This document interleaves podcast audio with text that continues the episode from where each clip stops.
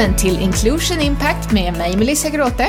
Och mig Sara Jonasson Ginters. Podden om ledarskap och inkludering. Om ni gillar det ni hör här i Inclusion Impact så uppskattar vi om ni vill ge podden stjärnor, prenumerera och dela i sociala medier så fler kan ta del av den. Har ni feedback eller förslag på gäster så får ni jättegärna höra av er genom LinkedIn, Instagram eller vår hemsida. Veckans gäst är Patrik Frisk som vi har bjudit in för att ta del av hans syn på ledarskap och inkludering. Patrik är VD på IT-tjänsteföretaget Agero sedan drygt 15 år tillbaka och har arbetat som ledare inom IT sedan 1996 med en resa på VM-data, Net Solutions och Framfab. Patrik har också en civilingenjörsexamen i maskinteknik från KTH. Agero sticker ut som IT-företag då de sedan starten sett det som en självklarhet att arbeta med jämställdhet och i samtalet pratar vi med Patrik om var hans engagemang och vilja att bygga jämställda organisationer kommer ifrån. Patrik berättar också om utmaningarna och konstaterar att Agero är långt ifrån klara med arbetet, men att utifrån ett rättviseperspektiv är det självklart att fortsätta. Som person beskriver sig Patrik som positiv och glad, vilket han tycker är viktigt i mötet med människor. Som ledare ser han möjligheter och låter sig inte bromsas av hinder utan fokuserar på att hitta en väg framåt. Han har stor tillit och förtroende i att människor vill göra sitt bästa och ger därför sina medarbetare mycket frihet att styra över sin arbetsdag. Patrik tycker att branschen ibland fastnar i att diskutera och argumentera varför vi ska bli jämställda. Han tycker att vi är förbi det och istället kan lägga all kraft på hur vi kommer dit. Nu hälsar vi dig välkommen till ett öppet och insiktsfullt samtal med Patrik, som är en perfekt gäst i veckans avsnitt av Inclusion Impact.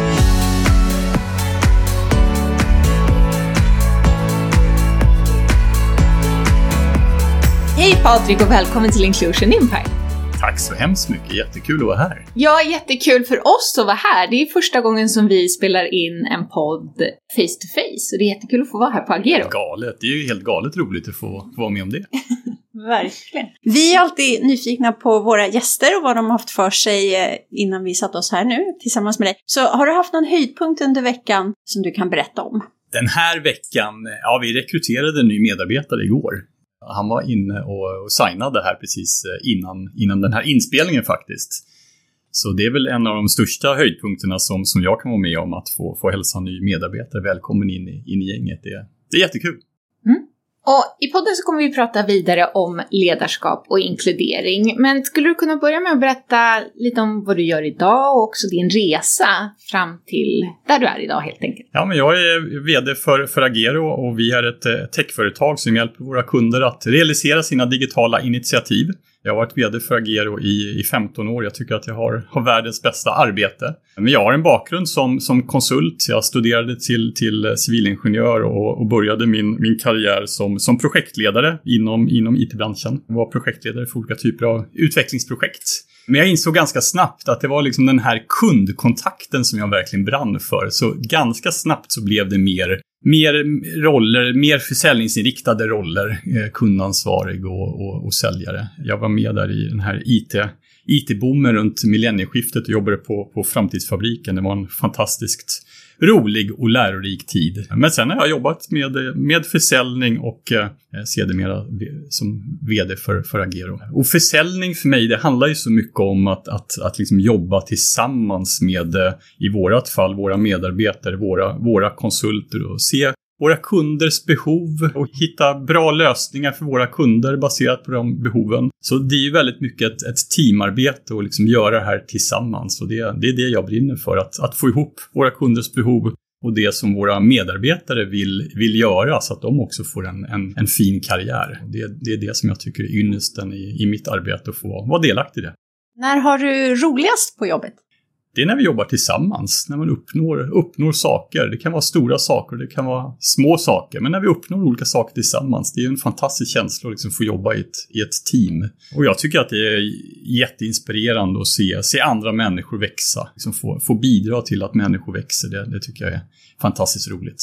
Har du något exempel på någonting som har hänt nyligen där ni har fått chans att ha riktigt roligt tillsammans? Alltså nu har det varit pandemi i ett och ett halvt år och det har ju mm. sett, satt, satt ganska stora begränsningar just i det här liksom tillsammans och den här liksom yttersta glädjen då som kanske kommer mycket när man ändå sitter liksom tillsammans rent, eh, rent fysiskt. Det måste jag säga. Men, men, men vi har ju försökt under den här perioden att eh, liksom skapa det här digitalt också. Det, det, vi har ju lärt oss jättemycket under den här perioden. Vi, vi lagade mat tillsammans hela företaget innan, innan jul hade en, en, eh, en kock som, som ledde oss och vi fick hem matpaket tidigare på dagen och, och stod där och, och lagade en, en, en trerättersmiddag och det var ju faktiskt fantastiskt roligt. Det var faktiskt riktigt roligt att göra det tillsammans. På video eller över video då? Ja, i, ja. i Teams.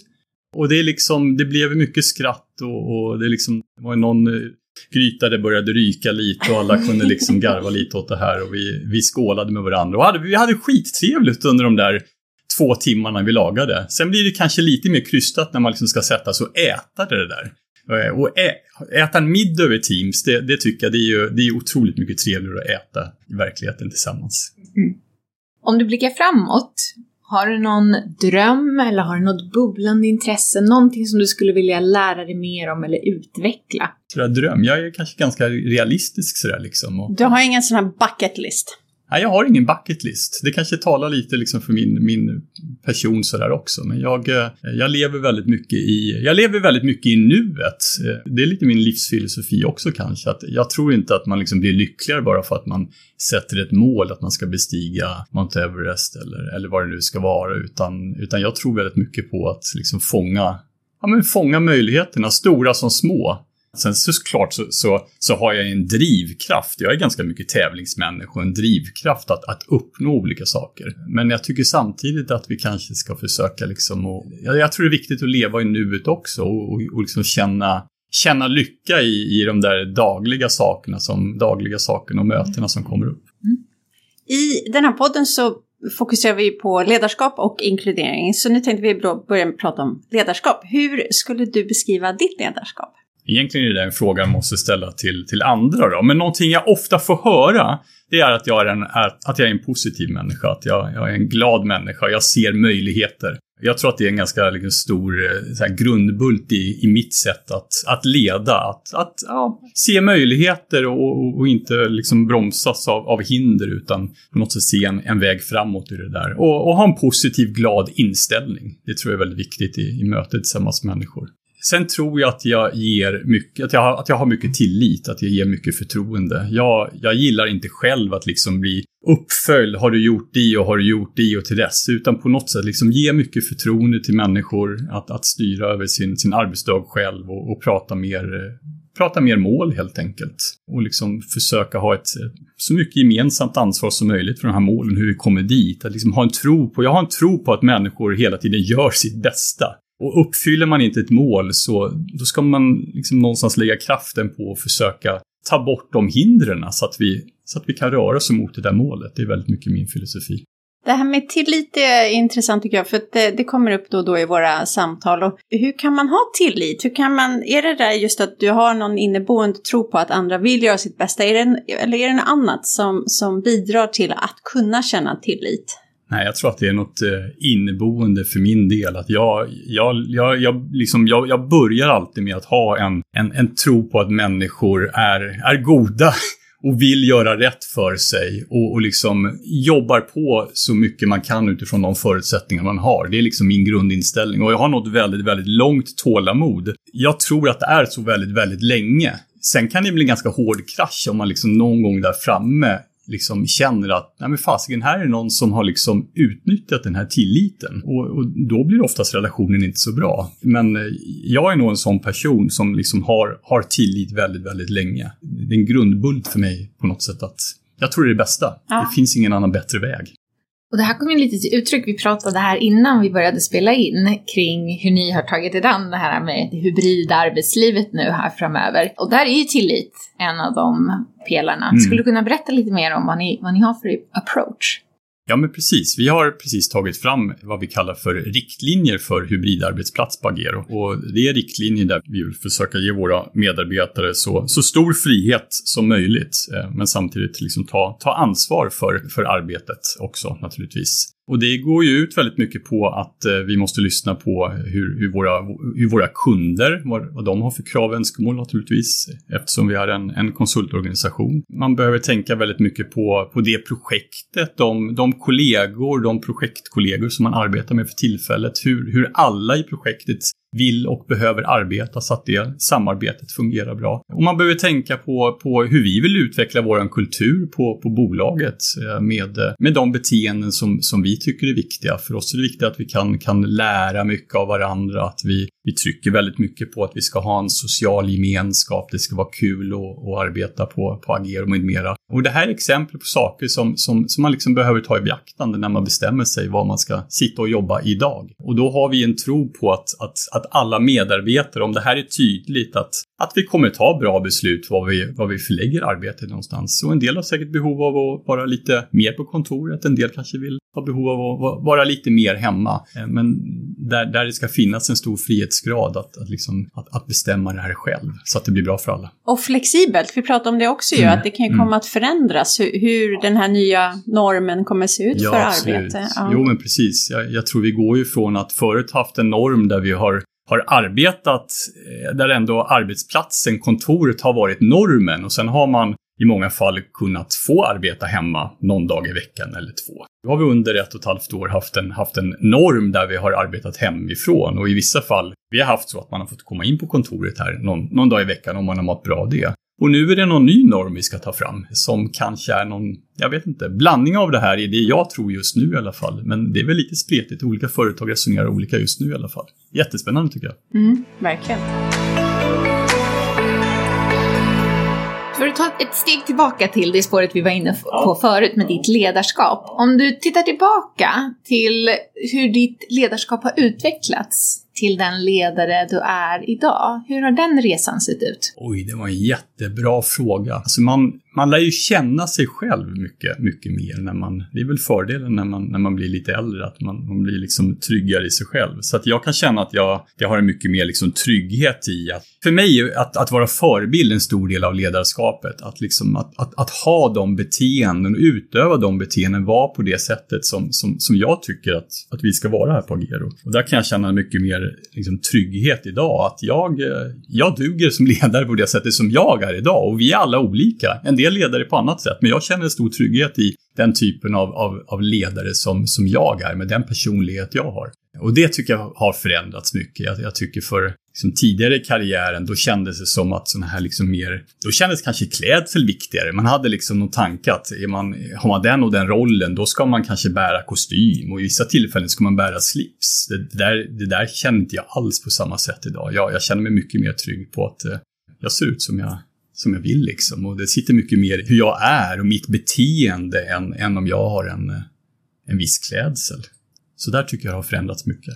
Du säger det här med förebild då, som den ledare du är. Vad, vad ingår i det? Vad är det för typ av förebild du vill vara? Nej, men jag vill vara en förebild som, som och det är mycket de här sakerna vi pratade om tidigare, som jag tror det är viktigt att se möjligheter och, och, och jag tror att det, det är viktigt att ge, ge till. De sakerna är ju, är ju viktiga då, att, liksom att, att det också genomsyrar, genomsyrar ledarskapet. Men det kan ju vara alla möjliga saker, det, men om man kopplar det till, till dagens samtal om, om inkludering, jag tror ju att det är jätteviktigt att jag måste naturligtvis vara en, en förebild och, och, och se till att jag i alla situationer faktiskt är inkluderande i stort som smått. Men för mig är liksom förebildsverktyget, det, det, är ett väldigt stort verktyg för mig i att bli en inkluderande organisation. Mm. Finns det något speciellt tillfälle eller händelser, någon sån här defining moment som har haft stor påverkan på dig som ledare? Nej, jag kan inte jag kan inte säga att jag tycker det faktiskt. Jag, det är inget sådär att det, det, det kommer upp en, en speciell händelse som, som har format mig, utan jag tycker nog att det är på något sätt snarare att det är liksom små, små insikter, små legobitar som liksom har byggt upp min tro på vad ett gott ledarskap är, faktiskt.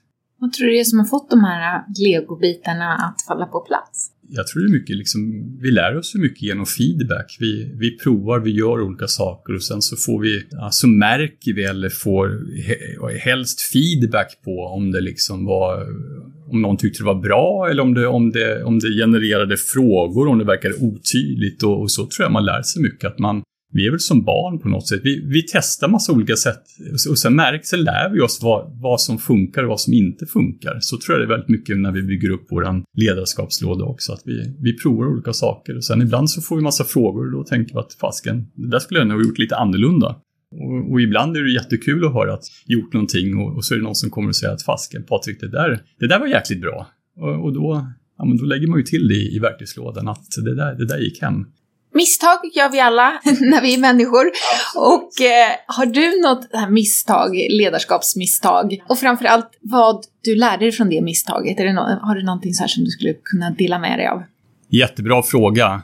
Också kopplat till inkludering. Jag kan, jag kan vissa gånger ångra efteråt när jag inte har reagerat på jargong, att någon säger någonting olämpligt på en eh, fikarast en middag, man sitter och pratar och det kommer fram någonting som, som kanske inte är illa ment egentligen, men, men som inte är okej okay ur ett inkluderingsperspektiv.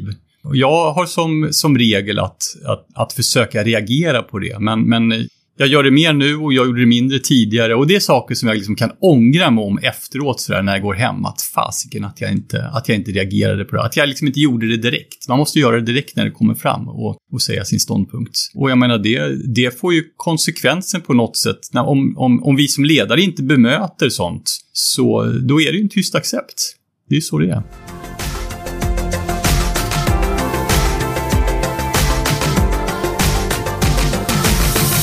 Nu har vi kommit fram till våra fem snabba frågor med fem snabba svar. Vad är du stoltast över i ditt ledarskap?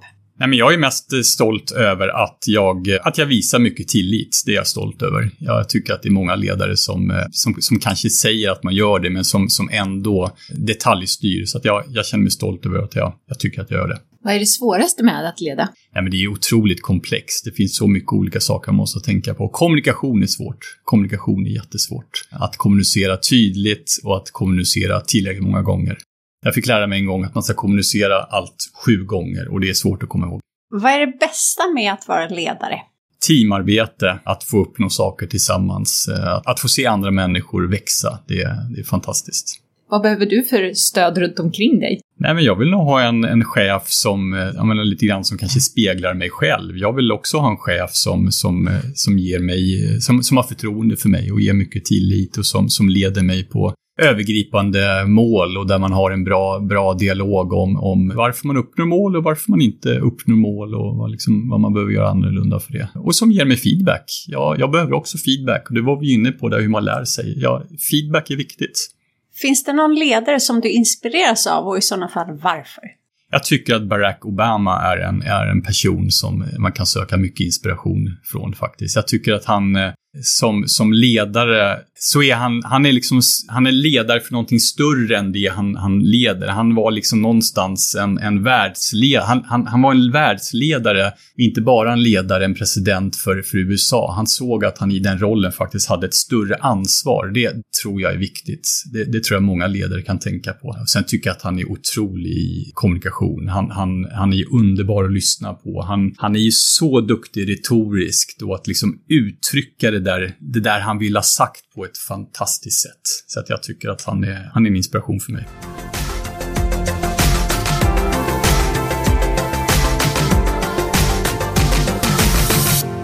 Nu kommer vi in på poddens andra del och vi kommer prata mer om inkludering. Så vi börjar i änden med att fråga dig, vad är inkludering för dig?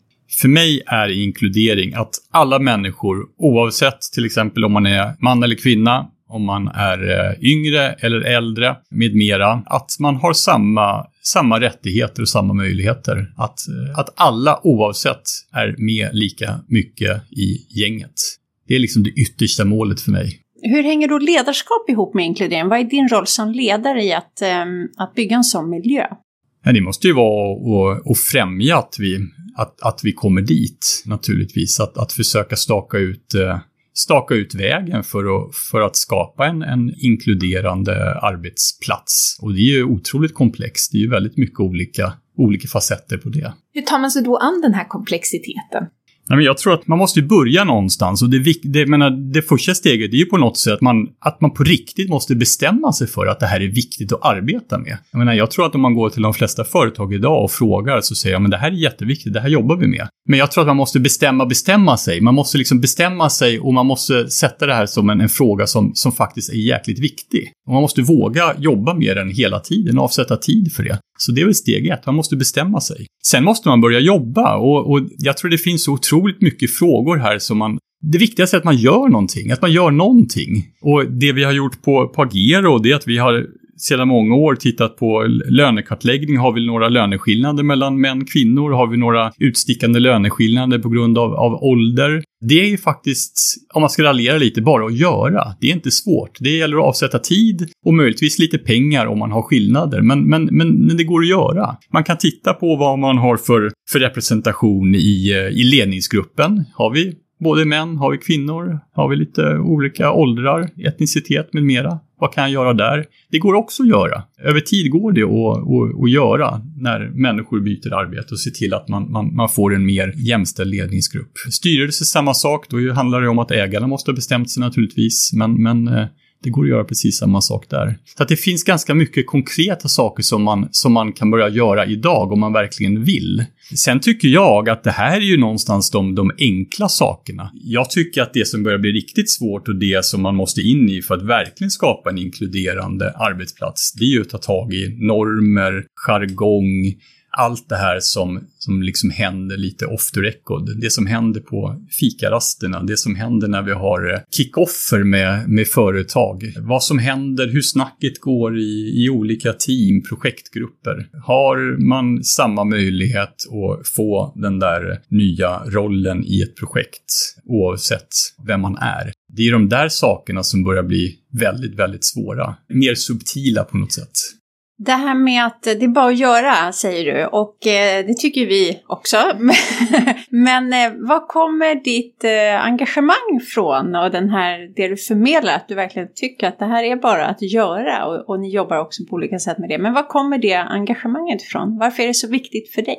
Jag vet inte, det för mig är det en rättvisefråga. Jag, visst, jag har en, en dotter som är 18 år och jag vill att hon ska ha samma möjligheter som min, min son som är 20 år. Men för mig räcker det med att titta på Agero. Vi har ju, ja, jag tycker liksom att det är, det är inte okej okay och det, det ska inte vara så att kvinnorna inte har samma möjligheter som män. Det är liksom en, många säger att man ska jobba strategiskt med den här frågan. Jag skulle väl lite grann vilja ifrågasätta det.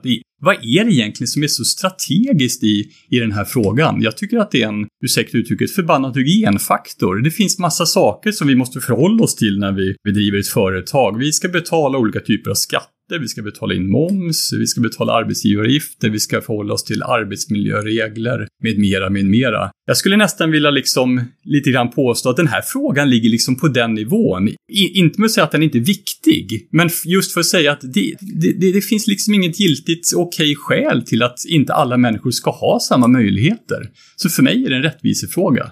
Jag tycker det är våran, våran, liksom, våran plikt. Och sen, sen baserat på det här, då kan vi utveckla våran strategi för företag som handlar om att titta på vilka kunder vi har och segmentera och vad vi har för tjänster och sådär. Men, men för mig är det här en, det ska bara vara en självklart att det är så.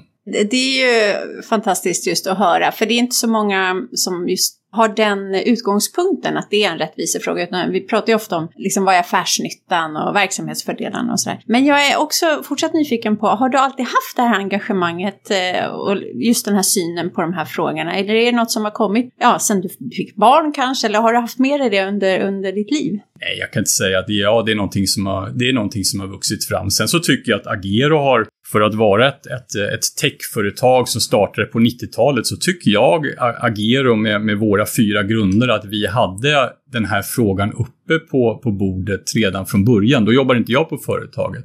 Men Agero grundades av, av, av, fyra män. Men man insåg väldigt tidigt att det var viktigt att få ombord också kvinnor. Jag tror nummer fem och nummer sex, kanske nummer sju var, var män. Men sen sa man, vi kan inte bli tio och liksom bara vara grabbar. Och då gjorde man en väldigt in, en, en, liksom en offensiv rekryteringskampanj och, och, och rekryterade ett, ett, antal kvinnor för att det, liksom, det är så det ska vara. Jag tycker det var, väldigt, det var, liksom då, det var väldigt framsynt att göra så på 90-talet.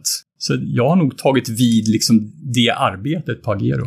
Det här med, inom tech så vi pratar ju mycket om just könsbalansen och vi har varit inne på det också en del nu. Hur gör ni för att attrahera och rekrytera och behålla kvinnor i organisationen? Har du något bra medskick där? Men vi jobbar ju jättemycket med den frågan och jag menar, vi är ju, vi, vi är ju inte i mål i den här. Vi, vi, vi vill ju komma upp i en, en mer jämn könsfördelning än vad vi, vad vi har idag också.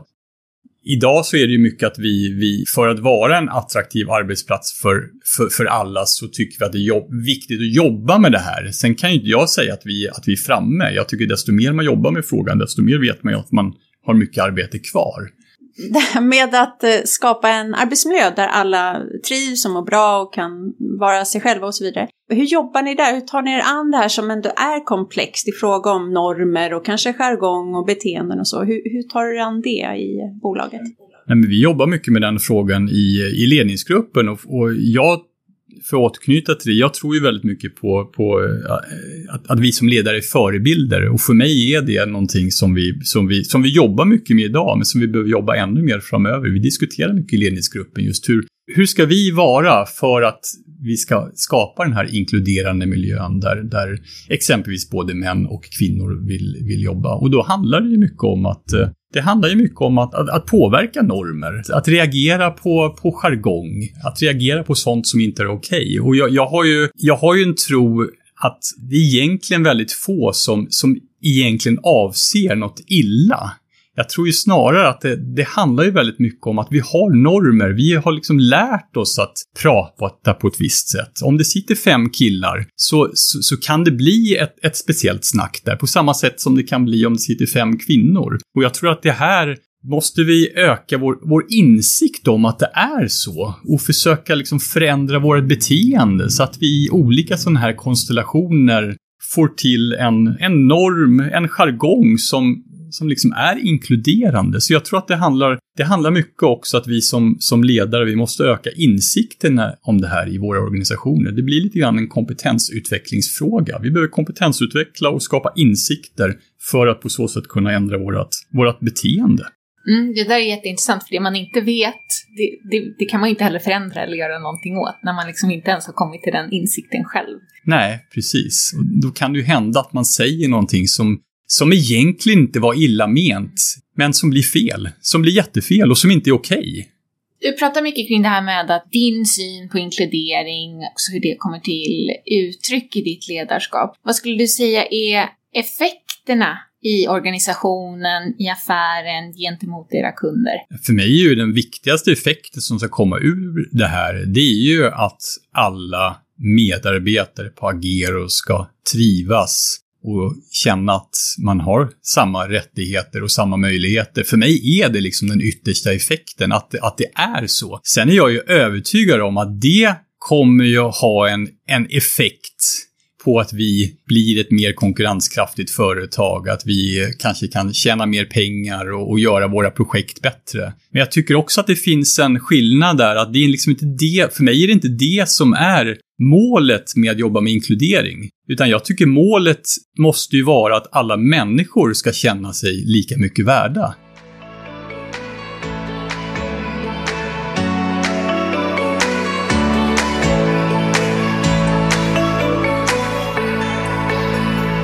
Med många år i techbranschen, är det någonting speciellt som du tycker är unikt med techbranschen där det finns fler möjligheter för inkludering men också där det kanske finns mer utmaningar kring inkludering?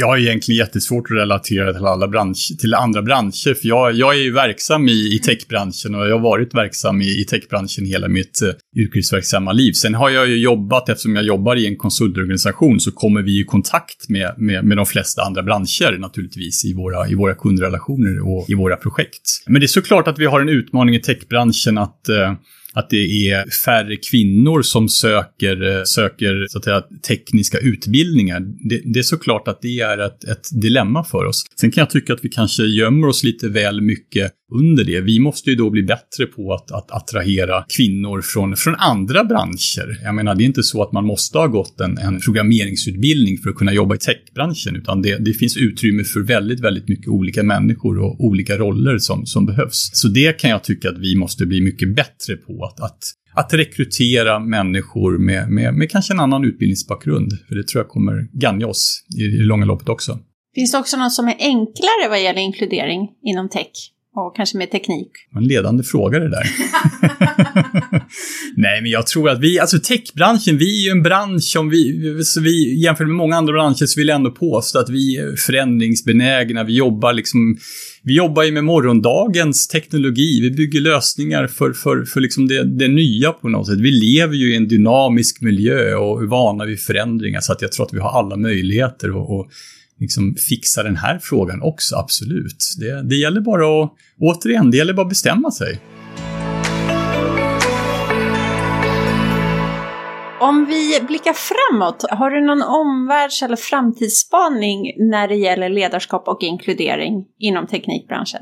Nej, men jag tror att eh, ska vi, eh, ska vi röra oss framåt vad gäller inkluderingsfrågan och skapa ett, mm. en jämställd eh, techbransch, då, då tror jag vi behöver jobba mycket med att skapa insikter i organisationen. Jag tror det handlar om att vi, vi behöver hjälpas åt att få upp ögonen om att vi, vi gör saker, att vi säger saker som, som inte är okej. Okay. Jag vill ändå tro att det, det är väldigt få inom techbranschen som egentligen vill illa, utan vi vi kan inte bättre idag på något sätt. Och vi måste, vi måste få insikt om det och då tror jag också att vi, vi tillsammans kommer kunna, kunna rätta till de sakerna. Det tror jag vi behöver jobba mer med.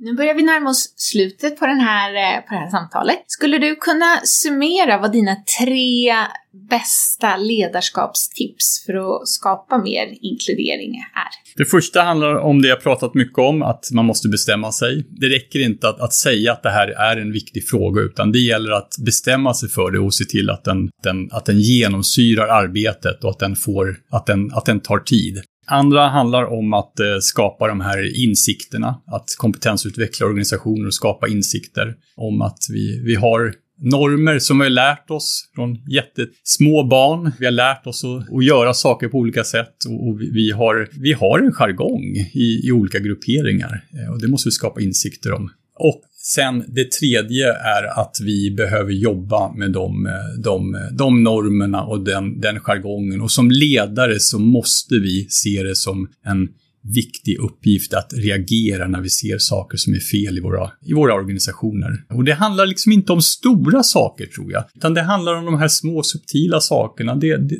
det som sägs på, på fikaraster, återigen, på, på, på middagar, när vi har eh, konferenser. Inga stora saker, men det är små, små saker som de här små pusselbitarna vi pratar om, som liksom bygger upp och tillsammans gör det att eh, det, inte blir en 100% inkluderande arbetsplats. Så det är mina tre tips. Så bra, så att eh, bestämma sig, skapa insikter och jobba med normer och miljön. Och stort ansvar hos ledare. Har du också något vardagstips, någonting som våra lyssnare kan börja göra redan idag i sin vardag för att bidra till ökad inkludering? Jag vill nog återknyta till det där tredje i mina tips. Jag tror det var och en kan göra och som vi kanske alla ska känna att vi faktiskt har ett ansvar att göra om vi vill, vill, vill jobba med den här frågan, så handlar det om att reagera. Vara en förebild och faktiskt våga säga till när man tycker att det är något som, något som är fel. Något som sägs, något som gör. Reagera på det. Det kan man göra varje dag.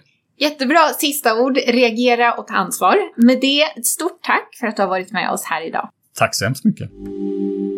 Vad inspirerande det var att höra Patrik så tydligt uttrycka att han tycker jämställdhet i grund och botten är en rättvisefråga. För det är inte så många som har den utgångspunkten inom business. Man hamnar ju oftast i att jämställdhet, mångfald, inkludering, det är bra för affärerna och sådär. Och det är det ju, men samtidigt så önskar jag att fler skulle se på frågan som, som Patrik gör. För det här också som han sa, det blir nästan som en förolämpning mot kvinnor att hela tiden måste liksom falla tillbaka på affärsfördelarna när man förklarar varför man ska jobba med jämställdhet. Det tycker jag var uppfriskande. Mm. Ja, det tycker jag också. Och sen tycker jag att det är så spännande att han pratar om det här med att utveckla och ta nästa steg. Att första steget, precis som du säger, det är ju att skapa jämställdhet i rekrytering och representation i ledningsgrupp och så vidare som man pratar om.